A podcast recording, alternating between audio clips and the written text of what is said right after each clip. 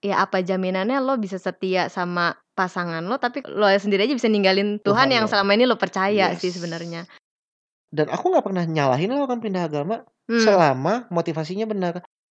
Aku juga dulu nih aku inget banget pernah berdoa sama Tuhan, aku minta jodoh nggak mau yang kaya. Serius. itu udah aku nggak kaya. Wah. Forever is a long time, but I keep my words that I say. Together we can go far as long as I'm with you. Segala sesuatu itu selalu datang dengan konsekuensi. Itu yang aku selalu pegang. Yap. I will fall for you no matter what they say. I still love you. You'll never be alone. Don't look me in the eyes, cause I still love you. Till forever. Halo, Beb. Hai, How are you? fine. Kamu? Aku pusing. Kenapa pusing nih? Kenapa?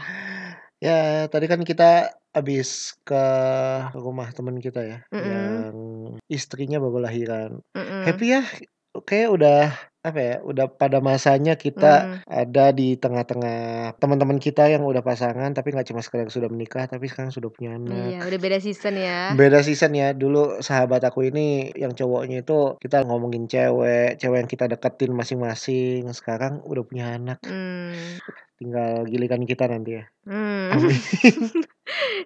Amin. Itu sih Beb yang aku pusingin. Hmm. Giliran kita kapan? Ya nggak nggak nunggu-nunggu gimana banget sih, Aha. tapi maksudnya ya kalau pada akhirnya itu ada gil- adalah giliran kita kayak Siap nggak nih? siap ya. Apalagi pas nanya biayanya habis berapa. Mm-mm. Lumayan ya zaman now nih. Aduh, tidak. Banyak banget yang harus diurusin ya. Tapi pasti akan ada Iya, iya, eh, iya. persiapannya sendiri ya. Dan Iya. kesiapannya sendiri. Mm-mm. Mau bagaimanapun proses itu pasti akan dilewatin, Iya cepat sih. atau lambat. Betul, betul, betul. betul. Oke, Beb, mari Mhm. kita mulai podcast kita hari ini. Oke. Aku kepikiran sih, Beb, beberapa waktu yang lalu, Mm-mm. aku kan sempat diskusi nih sama kamu. Gimana kalau kita ngobrolin mengenai perbedaan? Mm-mm. Karena kan beberapa waktu yang lalu kan kita banyak nih konflik-konflik internal rumah tangga, Cie. Iya Yang aku aku sih mikir ya, kok walaupun kita banyak samanya, tapi banyak berantemnya juga, berantem Mm-mm. kecil-kecil gitu. Nah, aku Mm-mm. mikir kalau dari waktu pacaran perbedaannya semakin jomplang Mm-mm. atau perbedaannya makin banyak, Mm-mm. apakah ketika pernikahan kita bisa kuat ngadepin semua perbedaan itu? Itu sih, Beb. Jadi Hmm. aku pengen coba kita ngobrolin Iya, iya, iya. balik lagi yuk ke masa kita pacaran. Heeh. Tapi gimana ya kalau misalnya beda titik-titik-titik. Beda titik-titik-titik. Isi, ba- isi sendiri nih. kita kita kita mau bahas beberapa hal sih, Beb. Misalnya Ah. nih, pacaran yang pertama ya langsung ya, coba pacaran tapi beda agama. Oh, ya, ya, ya. Ini perbedaan yang sebenarnya agak sulit. Kalau perbedaan hobi atau perbedaan sikap masih bisa di-adjust ya. Tapi Mm-mm. kalau agama nih emang agak lumayan berat gitu kan. Mm-mm. Dan itu kan sesuatu yang kamu percaya dan sesuatu yang kamu pegang bahkan dari kamu kecil bahkan. Hmm.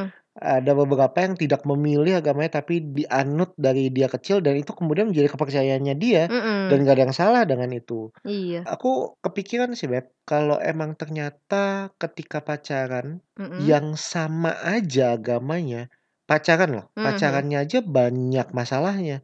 Dan kita kan menemukan justru lebih banyak teman-teman kita kan yang menikah satu agama kan. Mm-mm. Itu pun masalahnya ada aja, bahkan Iya. sampai ada yang mau cerai pun dari agama yang sama kan. Iya. Maksudnya waktu pacaran, waktu menikah, konflik yang terjadi mau kecil mau besar, agamanya sama pun tetap banyak masalahnya. Mhm. Gimana yang beda agama ya? Iya. Menurut kamu gimana, Beb? Kalau pacaran tapi beda agama? Nah, ini sebenarnya banyak sih zaman sekarang apalagi ya. Hmm. Kayaknya zaman sekarang orang-orang udah lebih mikirnya maju dan nggak melihat agama itu sebagai sesuatu yang Menghalangi. iya, yang yang parah gitu. Hmm. Cuman menurut aku sih oke-oke aja ya. Cuman kalau aku disuruh pilih nih, kayaknya aku mendingan enggak. Mendingan yang seagama. Heeh. Tapi tapi kalau misalnya ada orang yang begitu ya nggak apa-apa juga gitu. Itu kan Hmm. keputusan dan aku percaya sih mereka juga udah tahu resiko-resikonya. Mm-mm. Mereka juga udah siap menghadapi semua perbedaannya. Tapi kalau aku, aku jujur aja nggak siap sih, Beb. Kamu nggak siapnya kenapa sih, Beb? Dulu kan aku juga pernah nih sama yang beda agama. Mhm. Eee, meskipun nggak terlalu berbeda jauh Jauh. banget, Hmm. heeh, tapi itu aja kita masih suka konflik gitu. Kalau konflik karena beda sikap Mhm. atau beda kepribadian, kamu yang sama agamanya pun akan menghadapi itu Iya, kan. benar benar. Tapi maksudnya gini, ada nggak sih konflik yang terjadi karena memang beda agama? Ada sih. Heeh, Pertama gimana? kan konflik kalau aku nih ya, dari orang tua. Oh, dari papa waktu itu ya? Kalau orang tua tuh gimana ya, saklek banget gitu, Hmm. maunya kalau bisa yang Seagama. seagama gitu. Sementara kan dulu kayak, ya orang gue sukanya sama yang ini, masa pertama kali kenal nanya agama kan nggak mungkin ya, Iya pasti iya. kita suka duluan gitu. Hmm. Nah, ya itu yang paling susah pertama rintangannya adalah menghadapi orang tua. Oh. Gimana supaya orang tua percaya bahwa nih anak tuh baik, sekalipun Hmm. kita berbeda agama itu berat. Karena Aduh, iya betul yang namanya orang tua tuh udah udah membatasi diri Skeptis. Iya udah skeptis duluan sama agama-agama tertentu gitu Hmm. kan. Nah itu yang susah. Jadi itu Iya. bikin kita berantem. Papaku suka ngomongin apa tentang dia, dia pun juga nggak terima cara cara papaku yang terlalu saklek sama agamanya, terlalu memilih-milih gitu. Ya, by the way papa kamu dengar loh podcast ini. Iya, aduh berat ya punya bapak yang bisa open Spotify sendiri loh. Jangan dia langganan juga nih premium. Halo papa, Iya. kamu baik kok. Ya abis ini dia WhatsApp aku nih, hati-hati ya. Ya anyway terus terus? Iya, yang kedua selain masalah orang tua, mungkin lebih ke arah ada prinsip hidup kita yang berbeda yang berhubungan sama agama gitu. Contoh? Misalnya soal pemberian, memberi. Ah. Kayak gitu.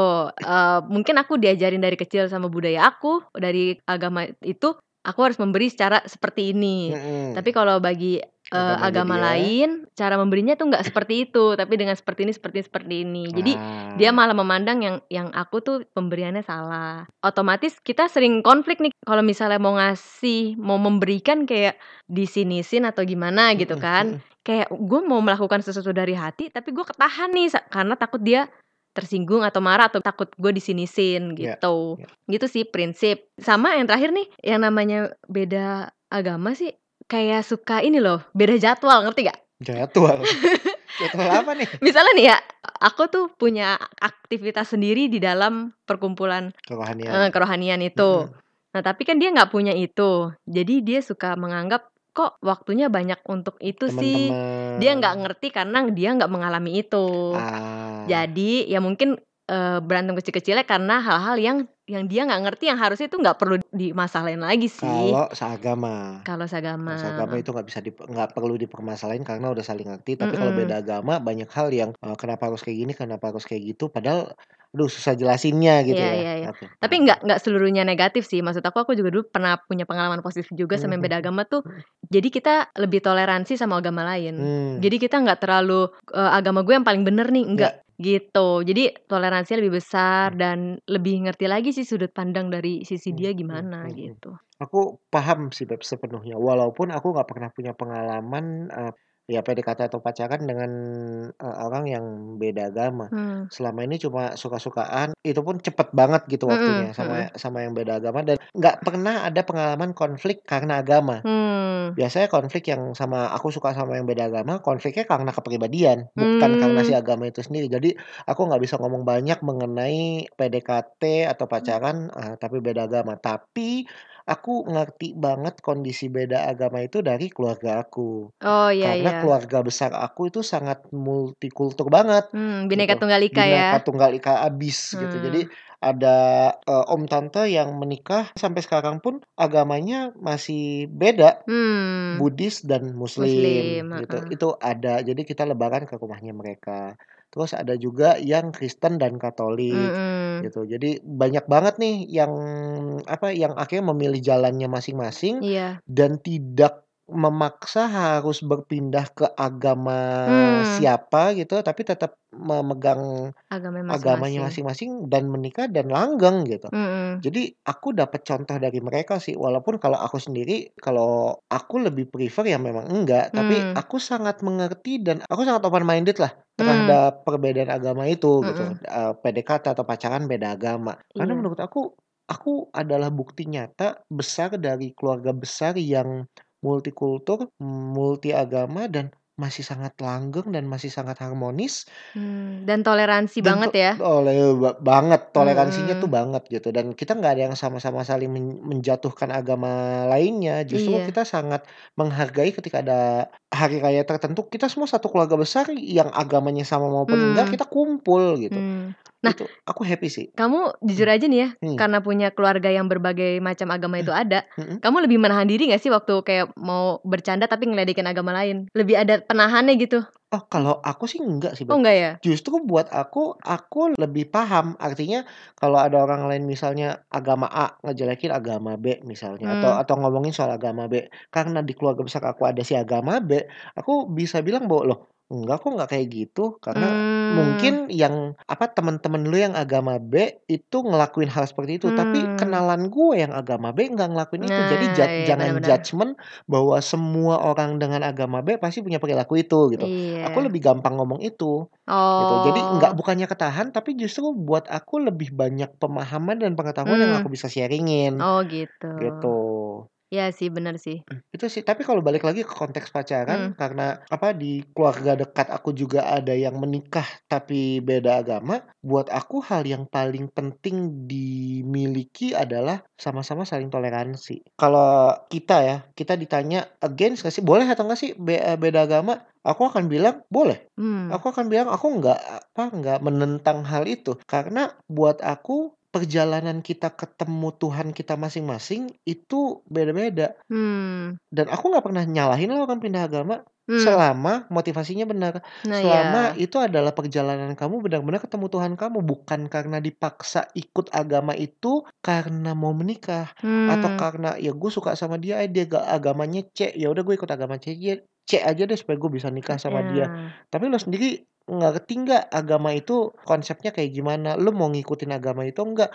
Dalam tanda kutip, gue nggak terlalu peduli, yang penting gue bisa nikah sama dia. Buat aku itu justru yang salah sih, Iya gitu. iya, aku Lebih setuju. baik lu mempertahankan agama lu dan lu beribadat dengan cara agama lu, lu bisa, eee, ketemu Tuhan dengan dengan Iya. cara lu sendiri dibanding lu, eee, mengabaikan Tuhan lu dan lu berpindah kepada Tuhan yang lain, tapi lu sendiri nggak bisa sembah dia.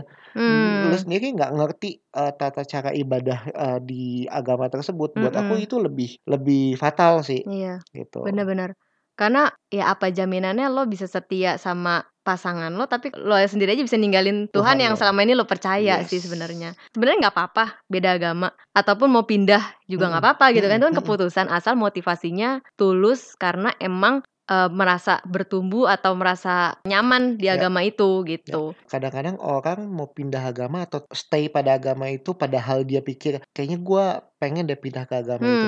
Ada orang kan dua dua dua jenis kan, Iya. orang yang mau pindah tapi takut, orang yang mau tetep pegang sama agamanya masing-masing tapi nikah beda agama apa kata orang, gitu kan. Mhm. Buat aku yang paling bahaya adalah ngedengerin apa kata orang sih. Kenapa? Karena akan selalu ada omongan orang, tapi yang lebih perlu kamu dengar adalah apa yang ada di dalam hati kamu. Mmm. Buat aku kenapa ini menjadi sangat sensitif, agama itu menjadi sangat Mmm. sensitif, terutama di Indonesia adalah karena omongan orang. Okelah Iya kalau sih, kalau bener. orang lain itu adalah orang tua sendiri, aku lebih lebih paham. Karena Mhm. kita harus lebih banyak diskusi sama orang tua kita. Jadi satu-satunya orang yang kita perlu minta izin sebenarnya adalah orang tua kita. Iya. Yang perlu diskusi lebih banyak, apakah kita akan menikah dengan orang yang beda agama sama kita atau pacaran deh, Mmm. pacaran yang beda agama sama kita, atau mungkin keputusan besar kita untuk pindah agama, Mhm. gitu. Apakah itu kemudian salah atau benar, itu dikembalikan lagi ke diri masing-masing. Mhm. Tapi buat kita pribadi, kita nggak against itu. Iya. Kita nggak nggak Menolak. hal itu, kita juga nggak bisa bilang bahwa itu hal yang pasti benar. Eee, jangan sampai motivasinya salah. Sebenarnya keputusan mau menjalani pacaran beda agama atau menikah beda agama itu adalah ya kesiapan setiap orang itu ya. mhm. Jadi kalau buat aku sih gini, masalah di keluarga pasti ada, masalah di pacaran ada, di Mhm. pernikahan pasti ada. Mhm. Cuman yang ngebedain adalah gimana kita menghadapinya dan gimana kita menghadapinya itu adalah tergantung sama value dan nilai yang kita pegang. Ya. Agama itu ya sedikit banyak menentukan value dan nilai yang kita pegang Yes. gitu kan. Mhm. Kalau misalnya beda agama, mungkin ada nilai dan value tertentu yang berbeda. Dan Mhm. itu akan menyebabkan keputusan dan pandangan yang kita pakai itu juga berbeda. Ya. Nah itu dia sebenarnya yang perlu dipikirin gitu. Mmm. Siap nggak lo dengan segala permasalahan yang akan ada dan cara menghadapinya, cara pola pikirnya itu beda Hmm. gitu. Selama siap untuk menghadapi itu ya ya udah gitu. Go Tapi kalau ahead. heeh, tapi kalau misalnya gila gue gue kayaknya musti yang satu pemahaman sama gue tentang hal ini, ya berarti belum siap aja untuk untuk pacaran atau menikah beda agama. Ya, dan perlu diperhatikan juga bahwa value eh, yang tadi kamu bilang itu bisa jadi nggak semuanya beda, ada juga Ada value yang juga, sama heeh. gitu. Contoh, semua agama pasti mengajarkan kebaikan. Nah, Mhm. kita bisa pakai value kebaikan itu untuk mempersatukan kita. Gitu. Mhm. Artinya nggak nggak nggak melulu value yang berbeda, kemudian kita bagaimana beradaptasinya. Ya itu harus dipikirin betul. Tapi ya di luar semua perbedaan itu ya semua agama pasti ada kesamaannya. Entah Iya. itu sama-sama mengajarkan kebaikan, sama-sama mengajarkan bagaimana kita memberi, Hmm. mengajarkan bagaimana kita sama-sama untuk eh, melakukan hal-hal yang tulus gitu. Ada Mhm. hal-hal yang nggak perlu label agama untuk ngelakuin itu gitu. Mhm. Kayak kebaikan, Itu kayak memberi, human beings aja ya ya. human being aja. Nah, itu juga yang perlu jadi catatan sih buat orang yang berbeda agama ya nggak semuanya beda Iya gitu. iya iya. Pasti akan ada ajaran-ajaran yang sama yang Heeh. kita bisa pertahankan bareng-bareng nih. Iya. Misalnya menikah itu harus eh, lewat restu orang tua. Ya itu yang dipertahanin bahwa sesayang apa pun kalian, ya kalian fight untuk dapat Iya. restu itu karena di agama kita, agama aku misalnya ngajarin hal itu, agama kamu ngajarin hal itu. Yuk kita fight bareng-bareng. Ya itu kan hal-hal yang universal. Oh ya, tadi pun aku kepikiran bahwa kalaupun eh, berbeda, hal yang paling dewasa yang bisa dilakukan oleh pasangan dimulai dari pacaran pastinya mengenai perbedaan agama itu adalah belajar untuk nggak ngejudge. Itu penting banget sih. Terutama ngejudge di area agamanya. Tadi kamu bilang bahwa kok di agama lo memberinya begitu sih, di agama gua ngajarinnya memberinya begini loh.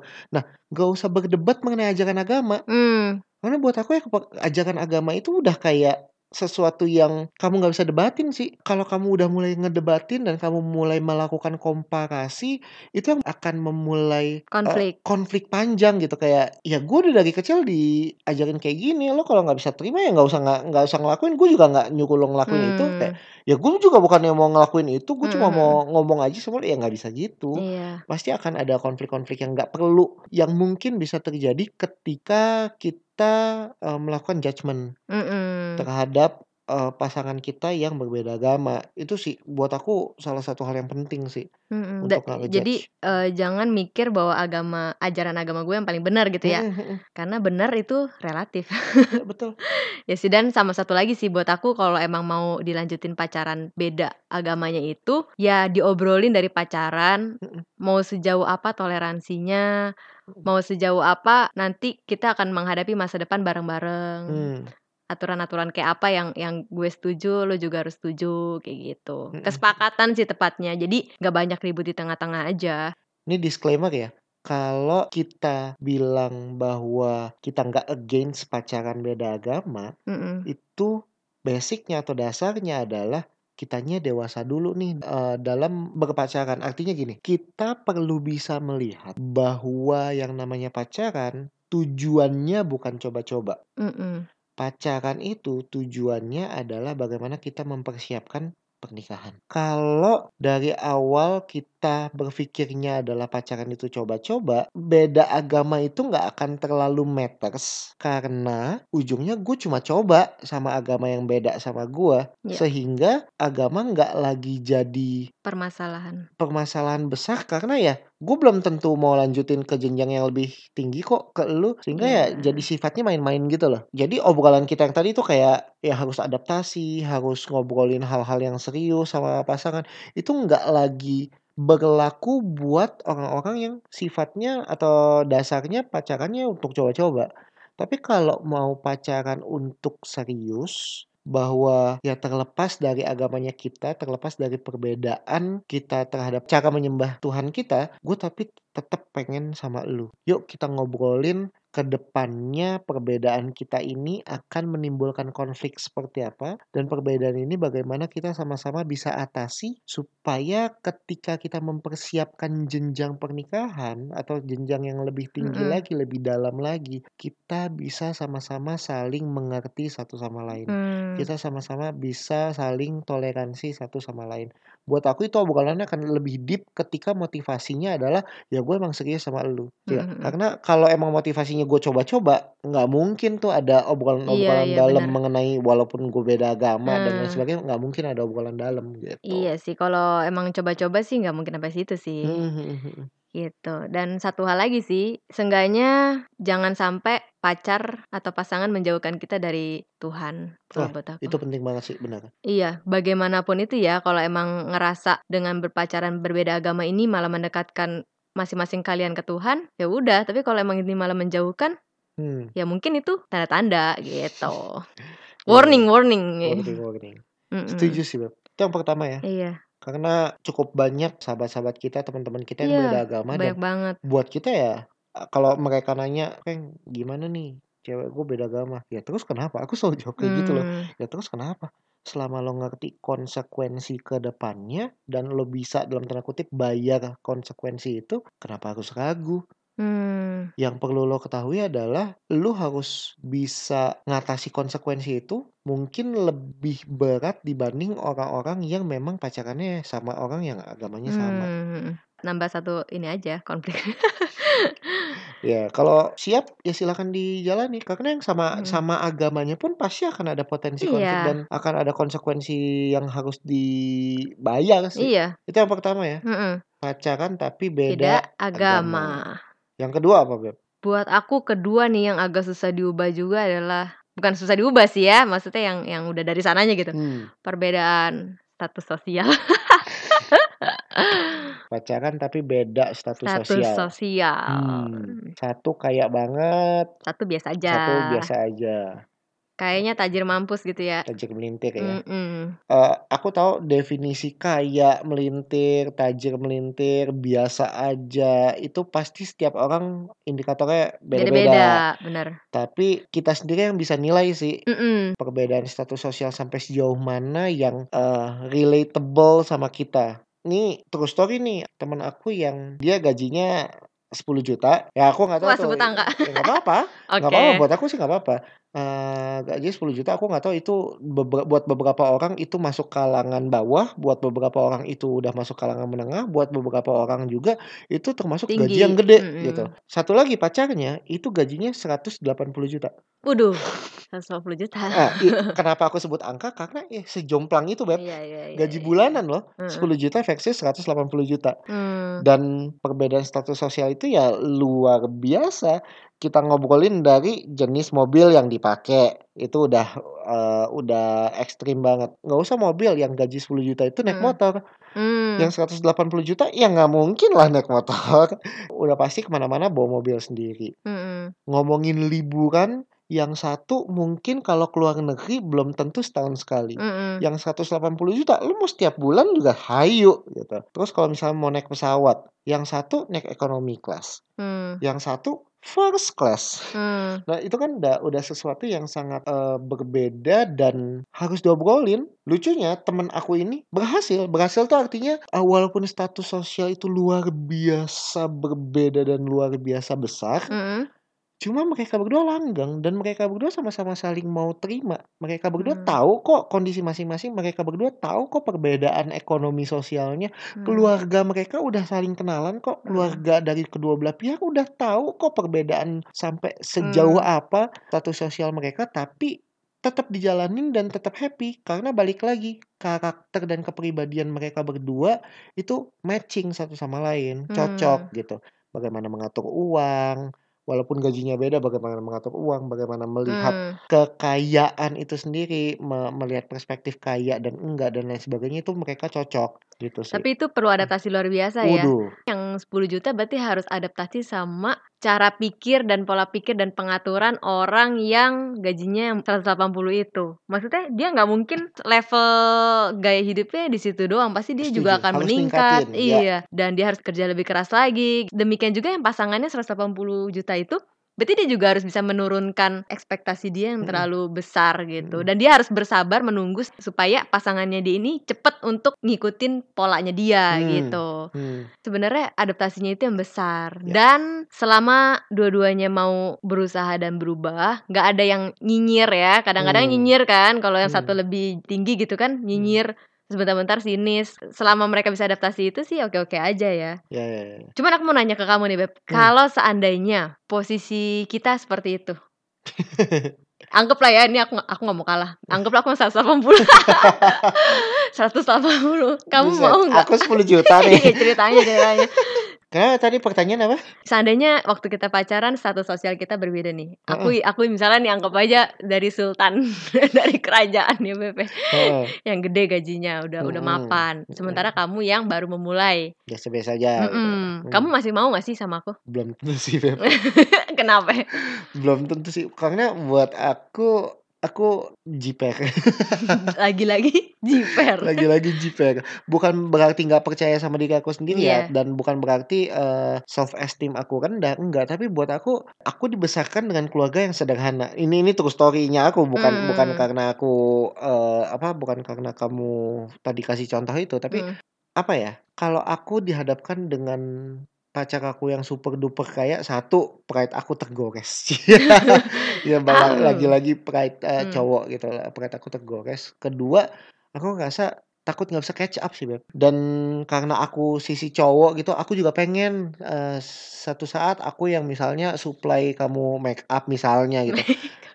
Iyalah, maksudnya kayak aku pengen kamu cantik, tapi aku pengen juga dong berkontribusi kayak kamu mau ke salon nggak Oh. apa-apa deh aku bayarin. Tapi kalau kamu sendiri yang ke salon sekalinya nyalon 2 juta, 3 juta kayak tunggu tunggu tunggu tunggu. Kalau tadi contohnya gaji 10 juta, gaji gue cuma 10 juta nih. Lo ke salon 20 persen. lo ke salon 3 juta tuh udah 30% sendiri nih.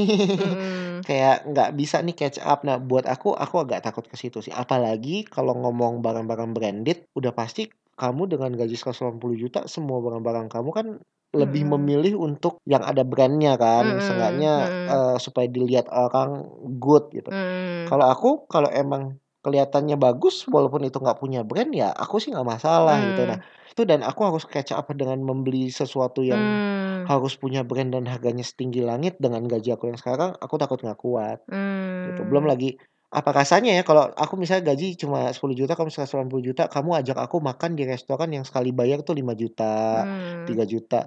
Wah, Udah aku masa aja yang bayarin ya. masa iya setiap kali pacaran kamu yang bayar? Buat aku agak nggak make sense, agak agak nggak lucu gitu. Hmm. Walaupun kamu mau makan di tempat-tempat yang sederhana, jalan. misalnya Heeh. eh, restoran-restoran sederhana yang makannya sekali makan 100 200 ribu misalnya, aku akan mikir dua kali sih, 20 kali bahkan kalau aku mau ngajak kamu makan nasi goreng pinggir jalan. Hmm.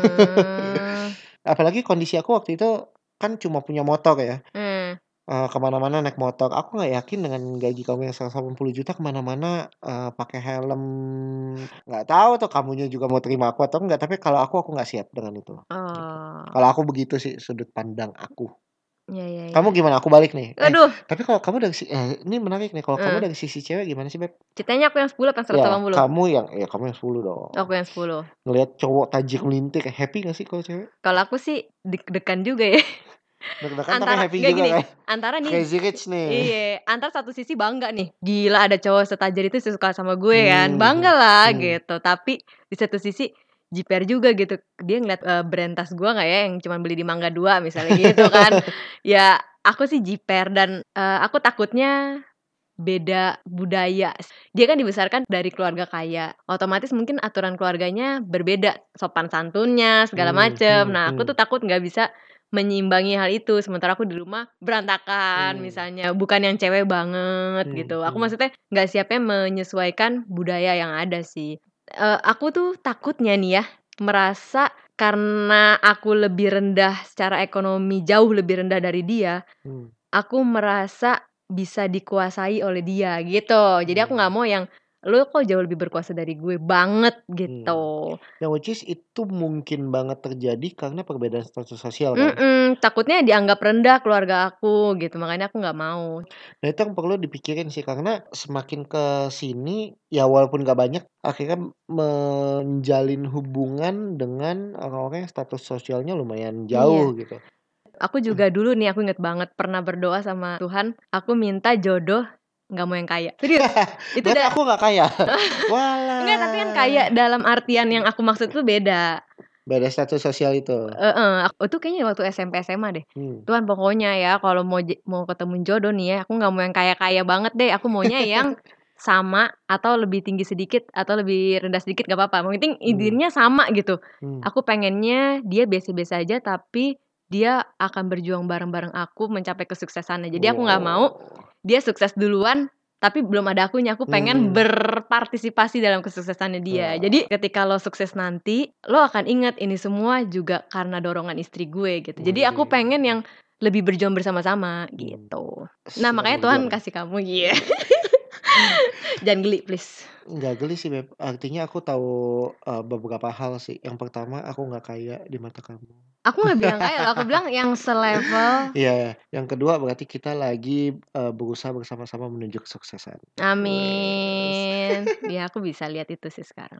Amin. Ya itu sih Mm-mm. mengenai perbedaan status sosial akan banyak banget potensi konflik yang Iya. mungkin terjadi tapi bisa nggak dihandle bisa, karena Bisa. aku punya success story, aku punya temen yang memang berhasil yang tadi 10 versus 180 juta itu ya berhasil walaupun belum menikah sekarang tapi konteksnya adalah pacaran. Mm-mm. Mereka pacaran, mereka sudah uh, saling kenal uh, orang tua mereka dan ya langgeng mereka berdua happy satu sama lain, Mm-mm. saling beradaptasi satu sama lain.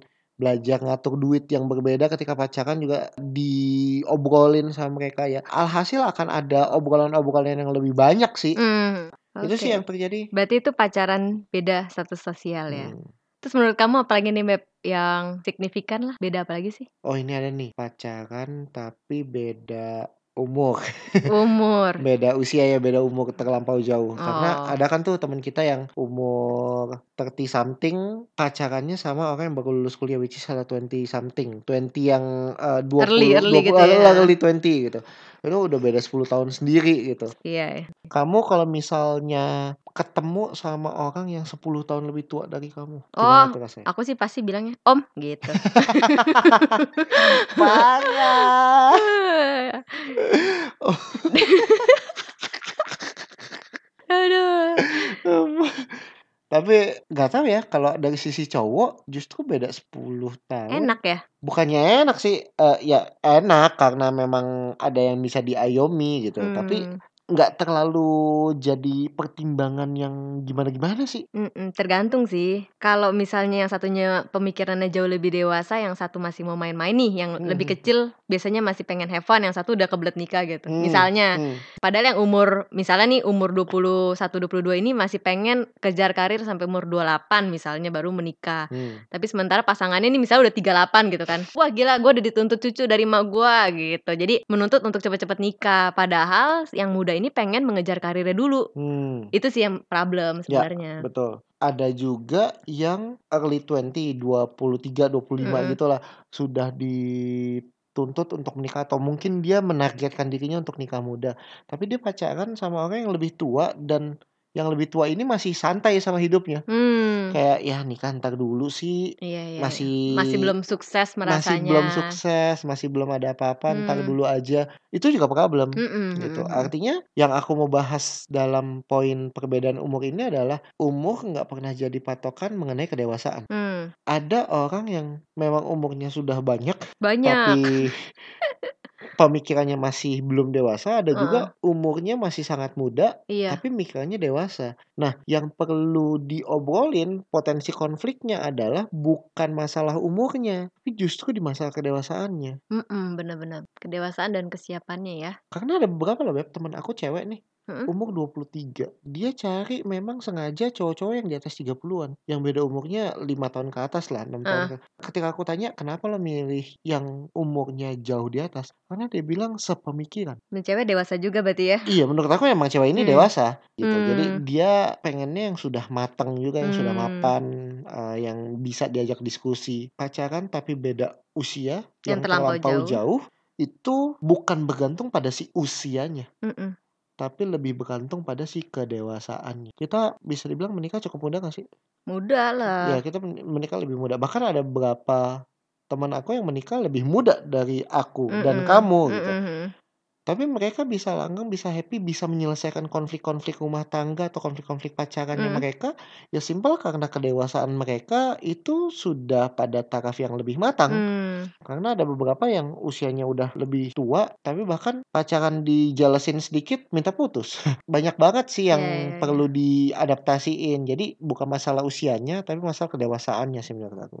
Oh, paling yang agak problem lagi, misalnya perbedaan umurnya jauh, jadinya bikin diskusinya nggak nyambung, bisa jadi. Jadi Mmm. kayak, tahu nggak band Koes Plus misalnya, yang satu tahu Koes Plus kan, yang satunya taunya Kangen Band misalnya, Eee, kayak gitu-gitu sih. Jadi 7. mungkin bercandaannya nggak nyambung, git Mmm. gitu sih. Tapi selama masih bisa menyesuaikan sih ya nggak apa-apa ya, justru Mmm. menarik gitu. Sebenarnya ya memperluas wawasan juga. Mmm. Cuman itu harus siap untuk dituntut antara lebih cepat menikah atau lebih cepat sukses karena Mmm. perbedaan umur yang jauh itu. Mhm. Yang kedua resikonya adalah orang tua siap nggak nih terima. Ya, mhm. Yang ketiga, kalau misalnya yang satu sudah jauh lebih tua dan misalnya cewek yang lebih tua nih, cowoknya yang lebih muda, Mmm. itu kan resiko kehamilan segala Mhm mhm. macem. Sementara cowoknya belum sesukses itu untuk membiayai kehidupan rumah tangga, Mmm, gitu resikonya sih. Cuman kalau segala sesuatu sudah dipersiapkan dan sudah diobrolin, harusnya nggak ada yang perlu ditakutin lagi. Ya,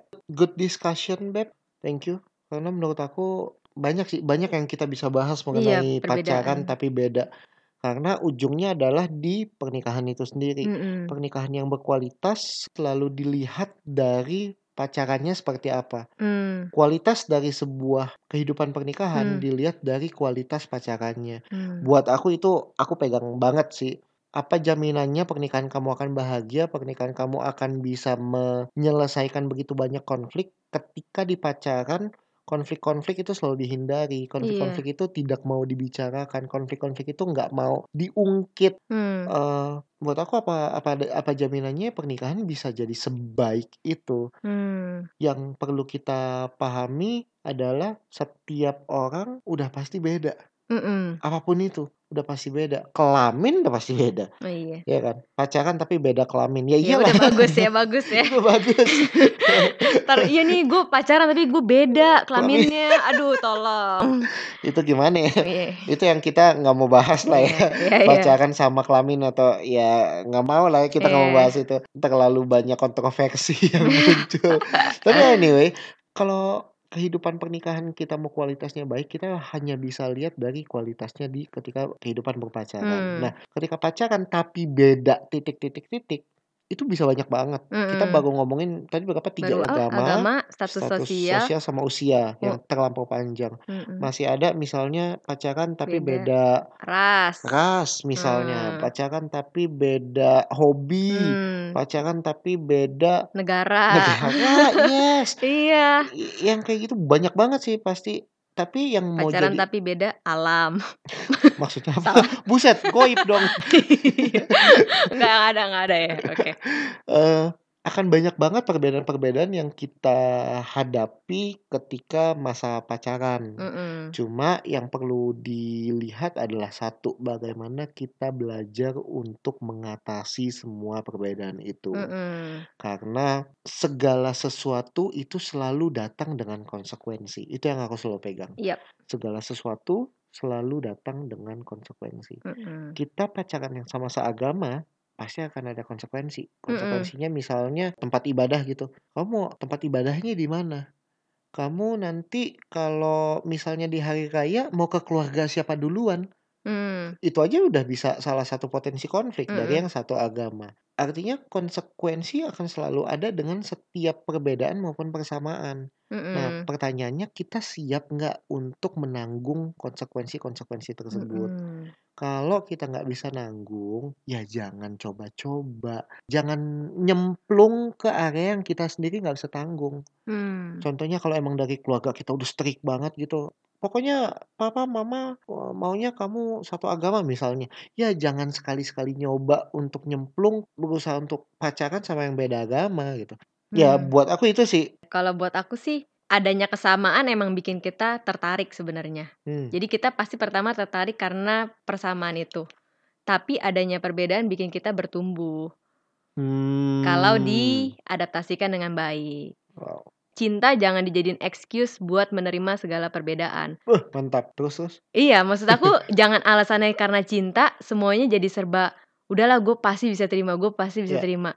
Tapi pertama tetap gunain logika dan akal sehat. Ya. Kalau emang misalnya Nggak bisa. bisa. diterima atau nggak bisa nih gue hidup begini selamanya atau itu melawan hati nurani itu better enggak sih itu berarti warning sebenarnya Hmm. bukan tanda bahwa kalian tuh jodoh Belajar menjalani secara dewasa. Mm-mm, Itu yang kita alami banget ya, Beb. mm-mm. Kita satu agama, tapi banyak banget hal-hal yang kita perlu atasi bersama-sama. Iya. Dan itu perlu kedewasaan. Aku Betul. sendiri jujur masih banyak banget yang eh, aku perlu perbaiki gitu. Mm-mm. Dan ya aku mau perbaiki itu setahap demi setahap dan itu Hmm. butuh kedewasaan sih. Aku masih masih Hmm. mengasah kedewasaan aku. Benar sih, jangan sampai perbedaan membuat kita nggak satu. Itu yang pertama ya. Mm. Jangan sampai perbedaan buat kita nggak satu. Jangan sampai juga cinta dan perasaan itu jadi excuse Hmm.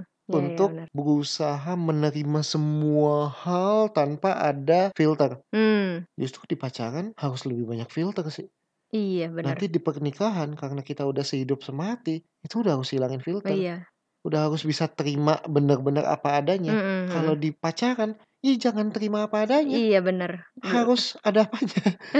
Bukan Iya, ada dia ada apa ya, dia dia punya apa bukan, tapi justru dengan disaring. syarat atau disaring atau eh, dengan pertimbangan. Iya. Karena ya kita akan memilih seumur hidup sama dia atau enggak gitu. Mm-mm, mm-mm. Dengan semua perbedaan ini siap atau enggak tuh. Karena konflik di pernikahan nggak bisa dihadapi hanya dengan cinta aja, tapi Wah. dengan kedewasaan. Betul sekali. Alright, Oke, thank you Beb. thank you juga Beb. Dan buat teman-teman nih yang emang punya cerita mengenai perbedaan-perbedaan itu atau perbedaan-perbedaan lainnya, boleh di-sharing ke kita juga ya. Barangkali ada orang lain yang mengalami hal yang sama dan cerita kalian bisa menginspirasi orang itu. Hmm, bisa DM kita di at marsvenus Underscore underscore podcast podcast. di Instagram. Tell us your story. Kita akan berusaha untuk jawab sebisa kami. Kita mungkin akan eh, repost itu tanpa nama anonimus tentunya untuk mungkin bisa kita gali pendapat dari orang lain seperti apa.